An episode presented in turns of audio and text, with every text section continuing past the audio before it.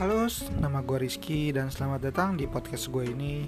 Di podcast ini gue ya cuma buat latihan-latihan doang buat public speaking, gimana caranya buat public speaking dengan baik. Jadi ya silahkan menikmati hasil latihan public speaking gue. Ya public speakingnya bisa Indonesia, bisa Inggris, gue mungkin bakal ngomong topik apa aja. Ya jadi selamat menikmati ya.